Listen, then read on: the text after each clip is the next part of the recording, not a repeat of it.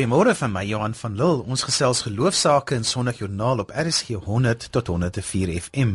En saam met my in die ateljee is Liselde Brein.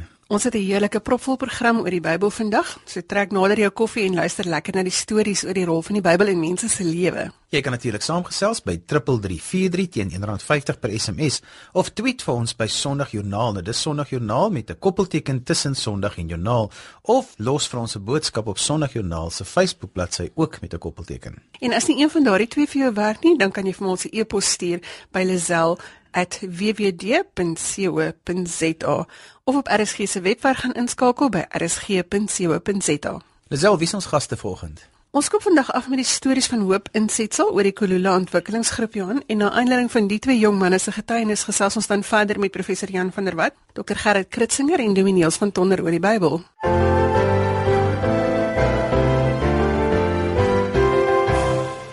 Die Amerikaanse Bybelgenootskap doen jaarliks 'n studie oor hoe mense oor die Bybel dink en in 'n aanlyn studie het hulle die 6 neigings gedeel oor hoe mense in 2014 oor die Bybel dink in Amerika. In 2011 het 86% van die deelnemers gedink die Bybel is heilig, teenoor die 2014 getal van 79%. Nou 88% van huise in Amerika besit Bybels en as gemiddeld 4 Bybels per huisgesin, maar slegs 37% lees die Bybel meer as een keer per week. Nou twee jong manne wat wel hulle Bybel gelees het, is Jandre van Wyk en Christopher Tafel. Ons was twee weke gelede by die stories van hoop toekennings en Gilma Stander het met die mense van die Kula Ontwikkelingstrust gesels wat die eerste veertjie ontvang het. Dis 'n heerlike dag hier op Bloemendal. Ek gesels met Daleen Labeskagni en Marlies Koen en dan het ek ook vir Jandre van Wyk en Christopher Tafel hier. Daleen, dis 'n groot dag. Wat is die uniekheid van die Kula groep se inisiatief? Dankie Giel, maar dis regtig vir ons wonderlik om vandag hier te wees en ons beskou dit regtig as 'n um, ehm, God net sy arms vir ons oopgemaak het en hy het net gesê, weet jy, dit wat ek deur julle doen, wil ek hê moet vir ander mense hoop gee. So jy het baie klein begin, begin om kinders wat uit die skoolstelsel uit te val, terug te sit in die skool en God het dit gevat en hy's besig om 'n stroom daarvan te maak want daar's soveel kinders hier buite wat om die eenvoudigste redes net nie skool toe gaan nie en uiteindelik nie hulle skoolloopbaan kan klaarmaak nie. En wat se hoop is daar dan vir hulle toekoms? So vir ons is hierdie geleentheid is regtig net daai bewusmaking wat God sê weet jy hy het 'n droom en 'n toekoms vir elke kind in Suid-Afrika en hoe kan ek as 'n individu wat luister na hierdie program of hierdie oggend bygewoon het hoe kan ek 'n verskil maak om so iets te ondersteun Jy het hierdie program oorgeerf en uh, daar's so 'n bietjie van 'n geskiedenis agter jou hele betrokkenheid. Die organisasie is in 2004 geregistreer as 'n NPO en um, ek het op daai stadium met ek se maatskaplike werker en ek het my kindertjies grootgemaak en my man se hele salaris by die hek uitgedeel en geweet uh, dit is nie eintlik wat ek mag doen nie, maar ek het hierdie kinders wat net so op die straat was so intens uit my hart uit jammer gekry. En toe in 2007 was ons by 'n ander organisasie in die dorp en die vroutjie wat Kula begin het, Esna Brouwer wat 'n privaat maatskaplike werker is in die dorp na my toe gekom en vir my gesê alleen wil jy nie vir my 'n pad begin stap met hierdie vier Kula veldwerkers wat sy aangestel het wat nou veronderstel is om hierdie kinders terug te sit in die skole want sy kom nie daarby uit nie. Ek het saam met hulle begin bid in die gebedskamer en so eenmal 'n maand en van daardie af het God my hart aangeraak en ek het honger geraak vir die stories wat hulle vir my kom vertel het. En toe het ek fisies saam met hulle begin uitgaan in die gemeenskap en begin kyk wat is hierdie omstandighede heel aan die begin toe die Here ons geroep het vir hierdie bediening het hy vir ons daai skrif gegee in Handelinge wat sê goud en silwer het ek nie, maar dit wat ek het in die naam van Jesus Christus staan op en loop.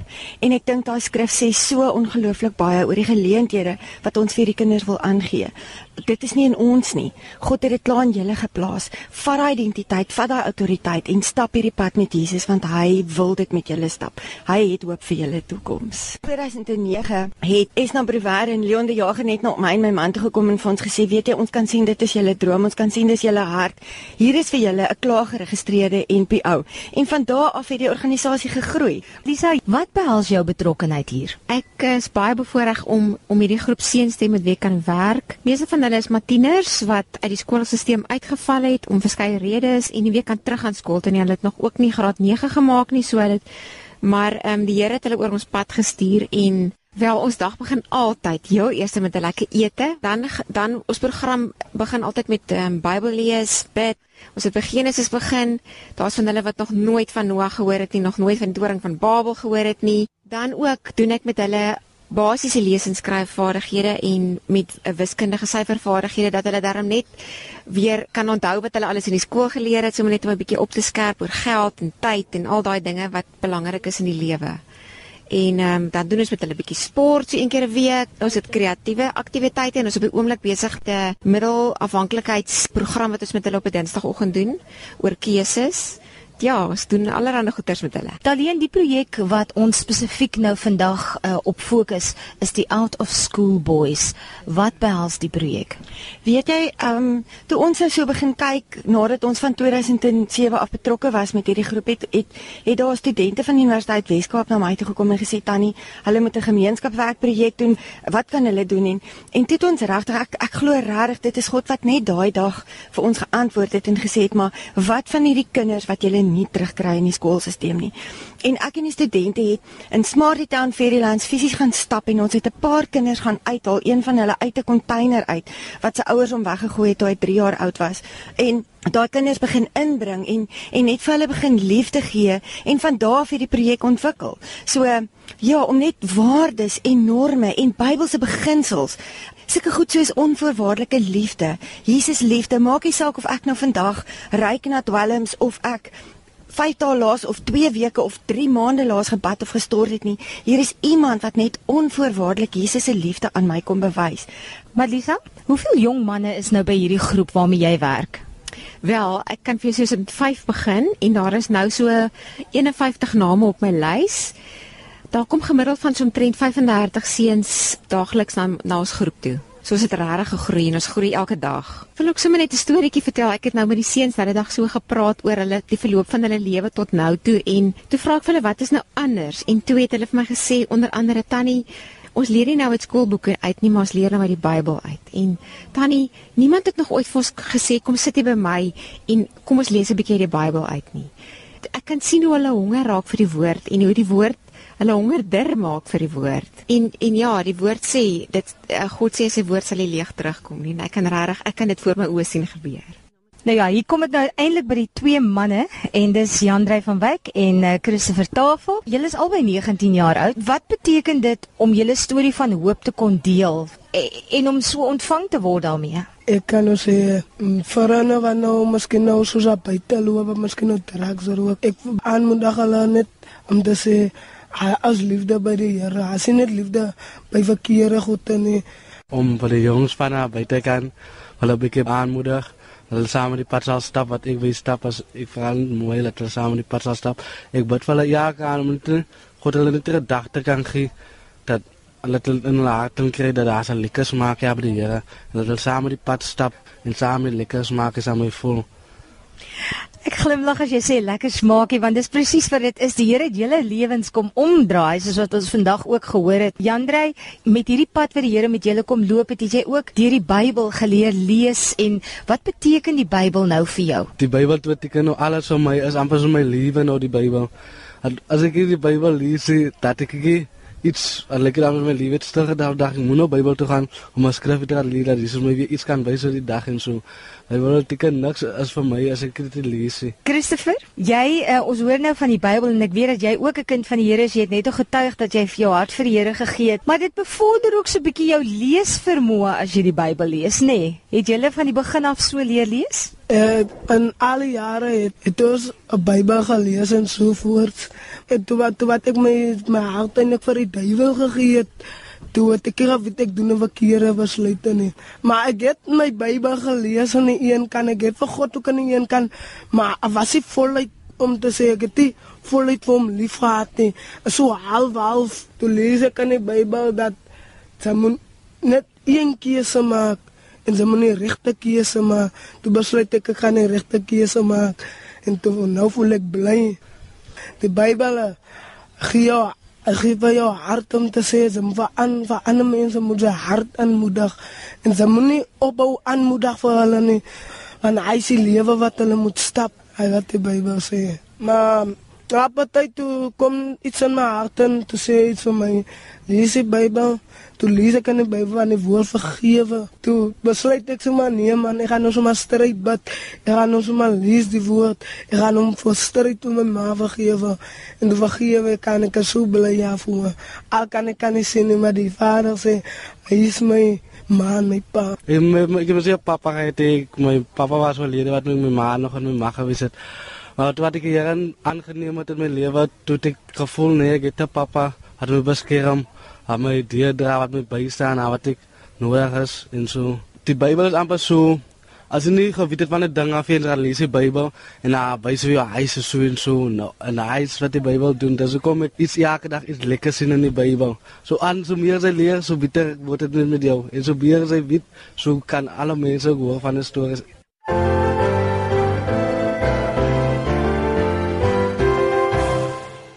Jy luister na RSG, die program is Sondagjoernaal en ons gesels ver oggend oor die Bybel. As jy op RSG se webwerf gaan kyk by rsg.co.za, sal jy 'n potgooi van hierdie gesprek kan aflaai op jou rekenaar. Louis Brits het die Bybel geneem en die psalms getoon sê. Psalm 30 klink so.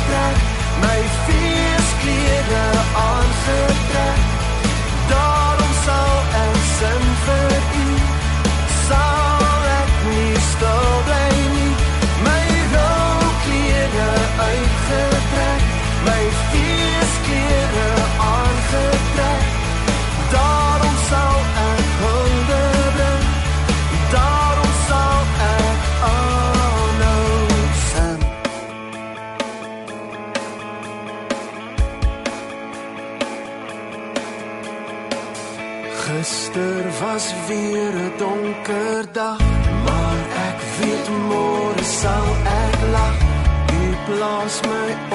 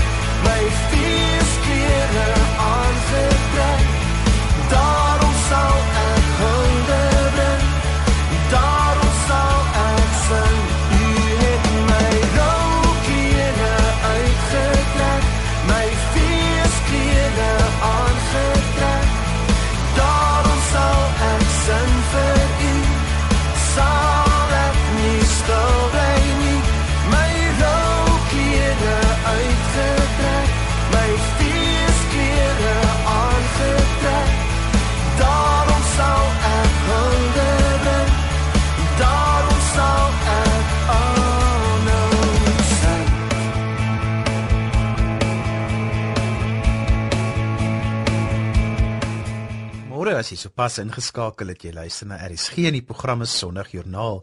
Al die inligting van vandag se program is beskikbaar op RSG se webwerf by rsg.co.za. En jy kan natuurlik ook van enige plek in die wêreld inskakel op die webwerf. Ons het gehoor hoe die Bybel Jandre en Christopher se lewe op 'n besondere manier verander het. En ek het vroeër tydens professor Jan van der Walt se besoek aan Suid-Afrika vir hom gevra oor die rede vir die baie Bybelvertalings. Jan, kom ons begin heel by die begin. Hoe lyk die oorspronklike Bybel? Wel, uh, om die waarheid te sê, was daar nie 'n oorspronklike Bybel in die sin van 'n Bybel asof dit nou een boek was wat geskryf was nie. Die Bybel is eintlik 'n versameling van 66 boeke wat oor 'n uh, paar duisend jaar uh, se geskiedenis saamgestel is. Nou dit begin daar by gewoonlik by uh, Adam en Eva sou ou sê, maar dit gaan oor die geskiedenis van Israel en uiteindelik het Jesus gekom as die Messias en toe die verhaal voortgegaan. In mense het die verhaal uh soos ons sê onder die inspirasie van die Heilige Gees neergeskryf en die boeke is uiteindelik versamel omdat dit die verhaal van God met sy mense deur Jesus Christus beskryf. En dit het uiteindelik die basiese boeke van die Christendom geword waarin ons dan die waarheid van God kan lees en sien en verstaan. En hoekom word die Bybel dan op verskillende maniere vertaal? Nou soos ek gesê het, is dit nou 'n lang tyd, né? Daar was uh, eers uh, is die eerste boeke in Hebreëus geskryf en later in Aramees. Nou dit was die taal wat daar in Babylon toe hulle in ballingskap weggevoer was, dis nou die Israeliete wat daar gepraat het, so stukkies van Daniël byvoorbeeld, is in Aramees geskryf en dan die Nuwe Testament is in Grieks geskryf omdat Grieks die wêreldtaal was in die tyd toe die Nuwe Testament geskryf is. En dit beteken nou dat as jy nie Grieks of Hebreëus of Aramees kan lees en verstaan nie, jy in die moeilikheid is want dan kan jy nie die Bybel lees of verstaan nie.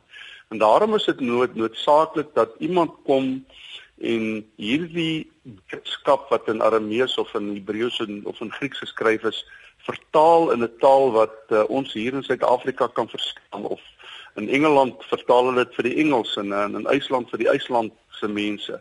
So jy dis mense nodig om daardie boodskap oor te skakel in 'n taal wat mense kan verstaan om so die woord van die Here dan uh goed te kan lees en verstaan. En dit maak dan seker dat 'n mens nie uitgelewer is aan iemand anders se interpretasie van die woord nie. Jy weet dit is 'n argument wat baie keer deur baie mense geopper word om sê nee, maar as 'n vertaling nou uh vertaler nou 'n vertaling maak dan interpreteer en dis 100% waar. Maar nou moet jy kyk na wat is die ander opsies. Die een opsie is dat die persoon glad nie die Bybel lees nie want dit is in Grieks en hy verstaan nie Grieks nie. En dan die ander moontlikheid is uh, bly dat as daai vertaling, dit maak nie saak hoe die vertaling lyk nie, deurgegee word. Nou sê nou maar ek vertaal die Grieks nou in Afrikaans en ek vertaal dit baie letterlik, nou woord vir woord soos in die Grieks staan, dan moet iemand dit nog lees en interpreteer. So daar gaan altyd interpretasie wees. Nou is die argument deesdae om te sê maar weet jy, as iemand wat die taal Grieks nou goed ken en Afrikaans ook baie goed ken, nou die vertaling maak en hy sien in watter rigting die betekenis van die Griekse teks nou beweeg. Wat wou Paulus presies sê en watter rigting wou hy gehad het hierdie boodskap moet verstaan word? Dan kan die vertaler so bietjie as hy dit verstaan, want dan interpreteer hy mos. Hy sien mos hoe Paulus dit bedoel het. Hy interpreteer dit. As hy dan daai interpretasie vat en dit in Afrikaans deurgee om vir die leser te wys, kyk dis die rigting waarin jy hierdie woorde moet verstaan, dan is dit veel beter as wat daai leser rou woorde so gehad het, nee letterlike woorde, nie eintlik geweet het in watter rigting gaan nie. Uh die die uh, vers, uh betekenis moet gaan nie. So die vertaler wat 'n spesialis is, help met ander woorde die leser so bietjie verder op die pad van interpretasie sodat die interpretasie op die ou einde wat die finale leser maak so naas moontlik kan kom aan dit wat sê maar Paulus of Matteus of Johannes bedoel het. Jy gebruik nou 'n belangrike woord en dit is die feit dat die vertaler 'n spesialis is. Dis nie sommer net iemand wat nou besluit het hy ken die taal nie. Verduidelik vir ons Jan, hoekom is dit so belangrik dat die Bybel korrek vertaal word? As 'n mens nou net kyk na tale, woorde van tale oorvleuel nie. Nou, hulle het nie altyd presies dieselfde betekenis nie. Net so 'n taalstrukture, net die manier hoe jy jou taal skryf, ook nie altyd dieselfde nie. Wat ek 'n uh, voorbeeld gee van wat ek nou net met strukture bedoel het. Dit beteken Grieks is wel 'n Europese taal, maar hy's heeltemal op sy eie. En hy ma maak gebruik van verskriklike lang sinne. Jy kan sommer 'n half of 'n 3 kwart bladsy een sin hê. Afrikaners praat nie so nie. Ons praat so 14 of 15 of 16 woorde, miskien kort sinne. Wat nou beteken dat as jy so lang sin gaan kry en dit kry ons byvoorbeeld in die 1933 Afrikaanse vertaling, sukkel jy jou boeglam om agter te kom presies wat wil die skrywer hier sê. So, omdat die taalstrukture nie oorvleuel nie, die een is lank, die ander een is kort, moet die vertaler dus uiteindelik kyk, maar wat wou die Griek met hierdie lang sin sê want hy is nou 'n spesialis in Grieks. En dan sê o ja, dit wou hy gesê het en dan moet hy dit oorskryf in Afrikaans want hy's mos 'n Afrikaanse spesialis op, dis sy moedertaal.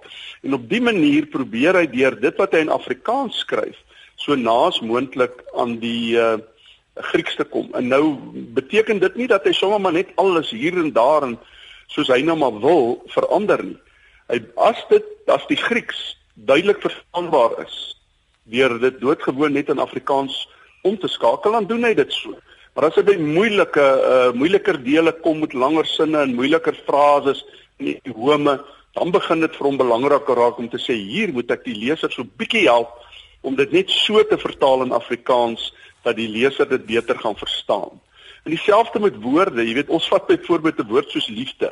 Ons dink ag nee, wat wat is nou moeilik aan liefde? Maar liefde in Grieks beteken iets heeltemal anders as liefde in uh, in Afrikaans vandag. Vandag is dit 'n baie emosionele woord en ons kan dit self uh, uh jy weet uh, anders gebruik om seksuele betekenis te hê, maar in die antieke tyd in die Bybel het dit die betekenis van iemand wat lojaal is en wat sy verantwoordelikheid nakom. Emosie speel nie so groot rol nie, maar eerder hierdie verantwoordelikheid en lojaliteit wat ek het. En daarom moet die vertaler seker wees as hy die woord liefde vertaal uit Grieks en Afrikaans dat die uh, leser nou vandag nie, jy weet, een of ander vreemde liefde wat ons vandag ken verstaan nie, maar dat hy verstaan dit gaan hier oor lojaliteit en verantwoordelikheid. En uh, daarom staan die vertaler eintlik so tussen die vertaling, ag tussen die oorspronklike teks die hedendaagse leser en hy is amper kan 'n mens sê die stuurman om te kyk of hy die hedendaagse leser nie so goed kan help dat die hedendaagse leser presies dit gaan verstaan wat die oorspronklike Griekse leser wat die oorspronklike Grieks gelees het, verstaan nie. Ja, die Bybel is 'n boek met 'n spesiale boodskap. 'n Laaste woord van jou oor die Bybel en die vertaling. Ja wel, eh, jy weet my hele lewe en ek sê nou my hele lewe omdat ek 'n Christen is, en al die ander Christene wat saam met uh, my en Jesus Christus glo en wat glo dis die woord van God wat met ons praat. Ons sal almal saam sê, jong, as jy daai Bybel optel, moet jy daaraan vertrou hê dat daai boodskap wat jy daar lees, die waarheid dat dit dat dit is wat oorspronklik bedoel is deur God. Anders is ons mos op 'n dwaalspoor as 'n mens daar verkeerde dinge lees, gaan jou lewe mos verskillend inrig. En daarom is dit vir my so belangrik dat vertaling 'n korrekte vertaling moet wees. Nou ek sê korrek, dit moet 'n mens eintlik verstaan as betroubaar. Betroubaar in die sin dat 'n mens dit kan vertrou om so na as moontlik aan die oorspronklike boodskap van die Bybel te kom. Want dan hoor ons God duidelik. Ons hoor sy boodskap dan in ons lewens baie duidelik as ons so betroubare vertaling kan hê. Hulle hoef nie almal dieselfde te wees nie, maar die boodskap wat deurkom na my as leser toe, moet dieselfde bly.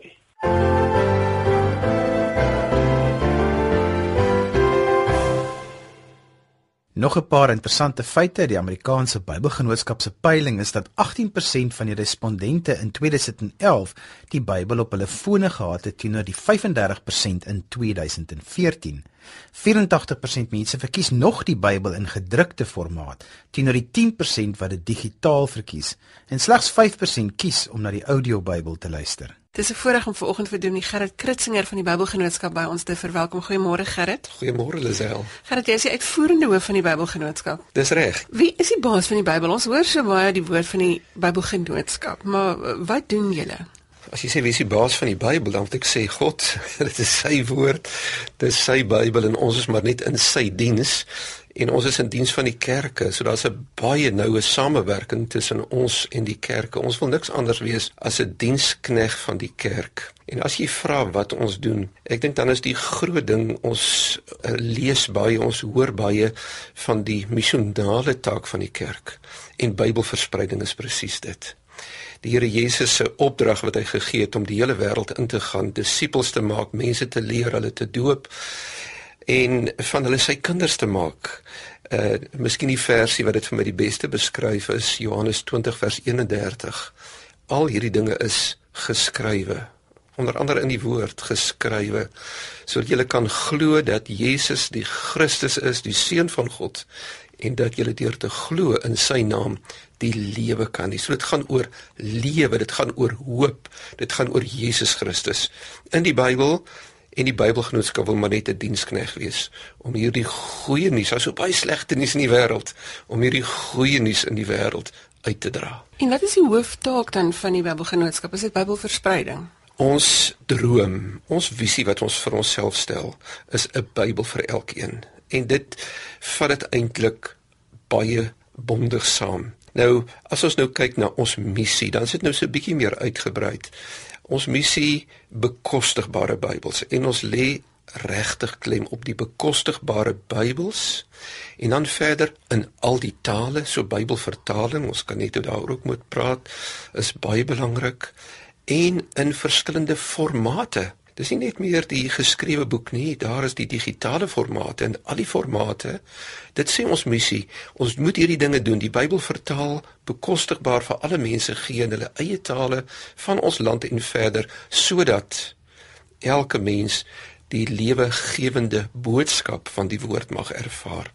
Dit is vir ons belangrik. Dit gaan nie net oor 'n miljoen Bybels argumentsalwe wat versprei word nie.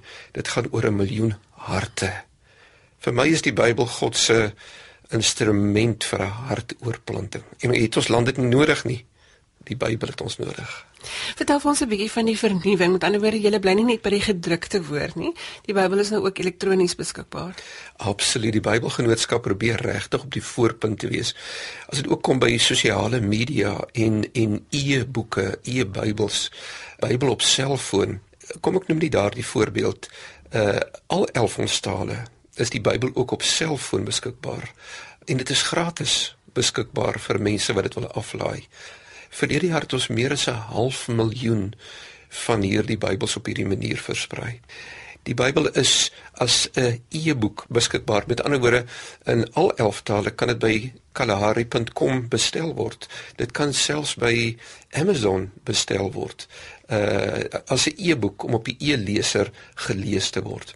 En dan natuurlik is die Bybel ons het verskillende webtuistes uh op die webtuiste beskikbaar. Ek dink byvoorbeeld aan een www.bybel.co.za waar al ons Afrikaanse Bybels beskikbaar is. Met ander woorde dit daar's baie mense kom ons agter wat die Bybel ook aanlyn lees. Met ander woorde vandag se mense uh loop met die tablet in hulle hand, met die selfoon in die hand en wonderlik, die Bybel is ook daar beskikbaar. Met met ander die Bybel kan jy in jou binnesak dra op jou selfoon uit 'n soekfunksie as jy 'n vers wil soek, jy kan hom lees op jou e-leser. So ja, ons probeer regtig ook in daardie formate. Ons probeer die behoeftes van die mense probeer ons werklik ook met hierdie formate aanspreek die behoefte aan die Bybel. Kom ons kom dan gou ook by Bybelvertaling. Ons ons het nou al 'n paar onderhoude gedoen oor die nuutste die indirekte vertaling wat gedoen is. Is jy verantwoordelik vir die amptelike vertaling van die Bybel in al 11 van Suid-Afrikaanse tale? Dis die goeie nuus wat ek vanmôre regtig kan sê. Uh al 11 tale het sedert November 2012 'n volledige Bybel. Die laaste taal wat dit toe gekry het was isiNdebele. Dit word daar so noordoos van Pretoria in die Mpumalanga provinsie gepraat. Dink nou net 2012 en die eerste taal, ek praat nou nie van Engels nie, uh maar inheemse taal was Tswana in 1857 reeds. Hierdie Tswana mense hulle eerste Bybel gekry. En nou eers in 2012 het die Isindebele mense hulle eerste Bybel gekry. Maar ons is so opgewonde. Die Bybel moet is in moet in alle tale vertaal word en daarom dat ons hom in al die tale het. Wil jy miskien net gehoor internasionaal? Daar's ongeveer 7000 tale in die wêreld en die volledige Bybel is net so onder die 500 tale. Nou moet ek daarom sê hierdie 500 tale is die grootste tale. So die grootste meerderheid van die mense in die wêreld het die Bybel in hulle taal. Maar wêreldwyd is Bybelgenootskappe vandag besig met ongeveer 400 Bybelvertaalprojekte in die wêreld om ook vir daardie tale wat dit nog nie het nie om die Bybel ook vir hulle te gee. Daarom word Bybelvertaling baie keer die hart genoem van die werk van die Bybelgenootskappe wêreldwyd en so dien ons die kerke want vir 'n kerk alleen om 'n Bybel te vertaal omdat dit so spesialiswerk is en al die kerke kom saam, hulle gee vertalers en so help ons die kerke die Bybel wat hulle soek die taal wat hulle soek sodat hulle dit verder kan versprei. En jy is baie ingestel daarop dat die Bybel nie 'n interpretasie is nie of 'n vry vertaling nie. Hierdie dit is 'n amptelike vertaling wat deur 'n baie lang proses deur baie kenners seker gemaak is dat niemand hulle eie gedagtetjies byvoeg nie. Dit is uiters uiters belangrik. Ek dink daar's twee woorde. Die eerste woord is betroubaarheid en die tweede woord is verstaanbaarheid. So die betroubaarheid, dit is waaroor jy nou gepraat het. Uh dit is on, dit is ononderhandelbaar. Die Bybel moet betroubaar uit die brontekste uit die Grieks, Aramees en Hebreëus vertaal word en dit is regtig ononderhandelbaar. Uh maar dan moet ook verstaanbaar vertaal word. Ja, daar is verskillende soorte vertalings. Jy het die meer letterlike vertalings, direkte vertaling, die meer vryer vertalings. Uh ons die Bybel vir dowes. Ons is tans besig met 'n Engelse Bybel vir dowes. So dis 'n baie spesiale groep vir wie dit vertaal moet word. So jy moet die teken gehoor ook in ag neem, maar dit doen niks afbreek aan die boodskap moet korrek oorkom, moet betroubaar oorkom. Dis 'n geweldige verantwoordelikheid wat die Bybelvertalers het, maar soos ek sê, dit is ononderhandelbaar. Dit moet die beste beste kwaliteit wees. Gerard baie dankie dat jy vanoggend by ons besoek afgelê het. Waar kan mense inligting kry oor die Bybelgenootskap as hulle meer sou wou uitvind? Ek dink die maklikste is om na ons webtuiste toe te gaan. Dit is www.bybelgenootskap.co.za en al die inligting, kontakbesonderhede, alles sal daar gekry kan word. Dit is Dominee Gerrit Kritzinger van die Suid-Afrikaanse Bybelgenootskap en as jy meer inligting wil kry, kan jy gaan by www.bybelgenootskap.co.za. Gerrit, baie dankie. Dit was lekker om saam met jou te kuier vanoggend. Dit was heerlik om hier te wees. Baie dankie.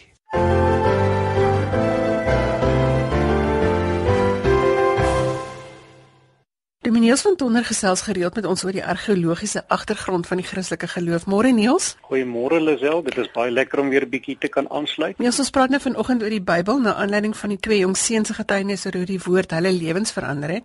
So kan jy vir ons vertel vanoggend die samestelling van die Bybel? Dit kom oor 'n lang geskiedenis. Wanneer is die finale boeke van die Bybel saamgestel? Dis 'n baie interessante agtergrond oor hoe dat die Bybel saamgestel is. Die oudste proses van boeke wat in die Ou Testament opgeneem is, weet ons is by Jamnia in 70 na Christus saamgestel. Daarna die samestelling van die Ou Testament weer deur verskillende fases gegaan waar volgens sommige boeke ingesluit en ander deur weer uitgelaat is. Die Nuwe Testament se eerste samestelling van boeke kry ons in die 3de eeu na Christus. Maar eers in die jaar 692 by die konsilie van Trullan het ons 'n meer akkurate aanduiding gekry van hoe dat die Nuwe Testamentiese boeke gaan lyk. Nou oor die volledige versameling van al die boeke in die Ou en die Nuwe Testament het ons maar eers vanaf die kerkhervorming in 1517 vir die eerste keer konsensus kon begin kry oor hoe die samestelling van die boeke moes lyk. Tot dan toe het daar verskillende kanons bestaan wat verskil het tussen die westerse kerke, die oosterse kerke, die ortodokse kerke en die rooms Katolieke kerk van destyds met ander woorde. So weet ons watter die oudste tekste en watter die jongste tekste van die Bybel is. Die oudste teks waaroor ons in die Bybel beskik is die lied van Debora wat voorkom in Rigters 5. Hierdie lied word tot sover as in die 12de eeu voor Christus teruggedateer. Die jongste boeke in die Ou Testament is die boeke van Kronieke, Ester en Nehemia wat uit die 4de eeu voor Christus dateer en dan natuurlik die boek van Daniël wat nog baie later uit 165 voor Christus maar dateer. En wat die Nuwe Testament aanbetref, is dit nie die evangelies wat as die oudste boeke beskou word nie, interessant genoeg, maar die brief wat Paulus aan die Galasiërs geskryf het. Die brief van Galasiërs word in 45 tot 55 na Christus gedateer. Die jongste boek in die Nuwe Testament is die briewe van Johannes wat teen ongeveer so 90 tot 110 na Christus geskryf is. In ander woorde, Ons sit met 'n lang voorgeskiedenis van die Bybel wat strek van die 12de eeu voor Christus tot met geskrifte wat teen ongeveer 110 na Christus geskryf is.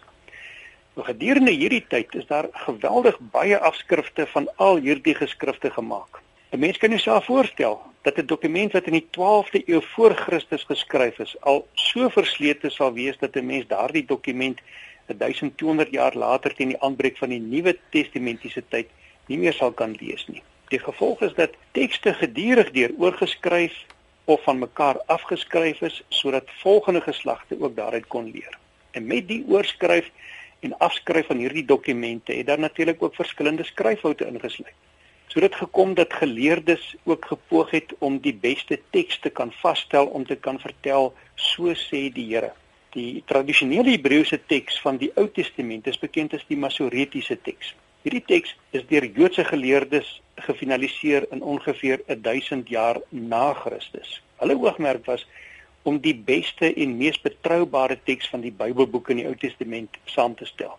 Die oudste volledige teks waaroor ons beskik is 'n Griekse vertaling van die Hebreëse Pentateeg wat aan die begin van die 3de eeu voor Christus gemaak is en vandag bekend staan as die Septuaginta. Die vertaling het tot stand gekom ter wille van die Jode wat in Alexandrië gebly het en nie meer Hebreëus kon praat. Nou volgens oorlewering het 70 of waarskynlik 72 Joodse geleerdes die Pentateeg binne 70 dae in Grieks vertaal. Die verstommende was dat die Joodse geleerdes afsonderlik van mekaar gewerk het in 36 selle van 2-2 elk en die teks presies dieselfde vertaal het. Die naam sê Tuaginta waarvan die naam van die vertaling ook afgelei is, beteken letterlik 70 in Grieks.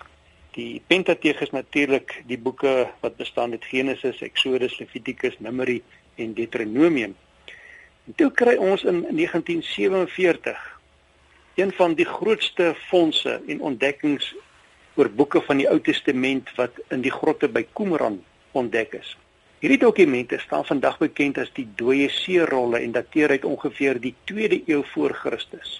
Die ontdekking van die dooie seerol het natuurlik 'n geweldige bydrae gelewer tot die, samestelling van die Hebreëse Bybel. Ja, sê gesels so interessant. Ek wil gou vinnig by jou hoor, hoe pas die dooie seerolle in by die Bybel? Is daar enige verskille tussen ons Bybel en die Hebreëse Bybel en die geskrifte van die dooie seerolle? Die waarde wat die dooie seerol het is dat ons vandag 'n addisionele instrument het om die Hebreëse tekste waaroor ons reeds beskik mee te kan vergelyk. Nie al die geskrifte wat by Qumran ontdek is kom noodwendig by die dooie seerolle voor nie. Soos byvoorbeeld die boek van Ester wat heeltemal ontbreek by die dooie seerolle.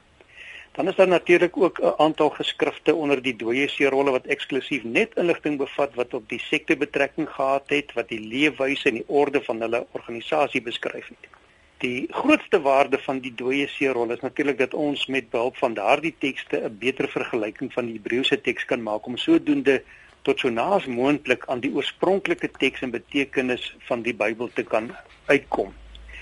Met die oorskryf en die afskryfproses het daar onvermydelike aantal skryf en interpretasiefoute ingesluit. Een so voorbeeld is wat 'n mens in die teks van Genesis 2 kan sien wat daar gebeur het. Volgens die Masoretiese teks word vertel dat God die werk wat hy gedoen het op die sewende dag voltooi en gaan rus het. Hierdie lesing is vir baie eeue lank in Bybelvertalings gevolg. Die probleem wat by party Joodse geleerdes ontstaan het, is dat die implikasie van hierdie lesing dan daarop neerkom dat God vir 'n breekdeel van die sewende dag nog gewerk het en daarna gaan rus het. Vir die ortodokse Jode was dit 'n geweldige probleem. In die ou Afrikaanse vertaling van 1933-1953 word hierdie lesing nog so aangetref. Die probleem het nog verder verdiep toe later ontdek is dat die Samaritaanse Pentateegse teks soos volg lees: Op die 6ste dag het God sy werk voltooi. Die boodskap daarvan was dus dat God al sy werk met die skepping van die wêreld eers tot op die 6ste voltooi het en daarna op die 7de dag slegs gerus het. Die vermoede bestaan dat die Samaritaanse Pentateeg teen ongeveer 432 voor Christus ontstaan het. In die Nuwe Afrikaanse vertaling van 1983 is die teks volgens hierdie interpretasie vertaal. Maar die probleem van die Masoretiese teks nou nog verder verdiep het is dat die Septuaginta en die dooie seerolle die lesing van die Samaritaanse Pentateeg ondersteun het. En op dié manier het teoloë toe begin voorkeur verleen aan die teks wat in die Septuaginta en dooie seerolle vertel word in analogie met die Samaritaanse Pentateeg. En so is daar nog heelwat ander voorbeelde wat 'n mens ook seker kan opnoem wat in dieselfde trant volg. Maar vanuit die waarde van die dooie seerolle en die vergelykende studie daarmee kan ons dan by 'n beter verstaan van die teks uitkom. En daarmee is ons kuier so te sê op 'n einde. Janie inspireer vir ons met 'n laaste woord oor die sentrale boodskap van die Bybel. Lisel, daar's min boeke wat al soveel kontroversie beleef het as die Bybel. En die boek waarvan ek nou praat is eintlik 'n versameling boeke wat ons die Bybel noem. Tog stem almal so tussen die verskillende een saam dat die sentrale boodskap van die Bybel die sentrale motief vir oorvloedige en vreugdevolle lewe is. En die sentrale motief is liefde. As jy vinnig die Engelse woord love Google, dan kry jy 4.5 biljoen resultate.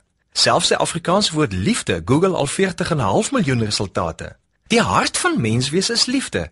Dis die hart van die Bybel. En die Bybel vertel vir ons, dis die hart van God. God is liefde. Daar gaan nog baie verhandelings en kontroversie oor die Bybel wees.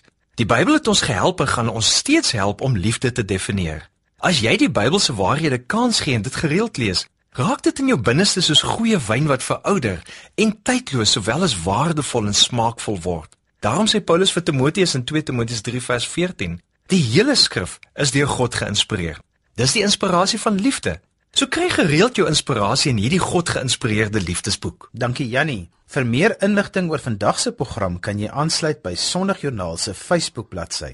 Word deel van die geloofsgemeenskap en vertel vir ons van die interessante mense en dinge in jou geloofsomgewing.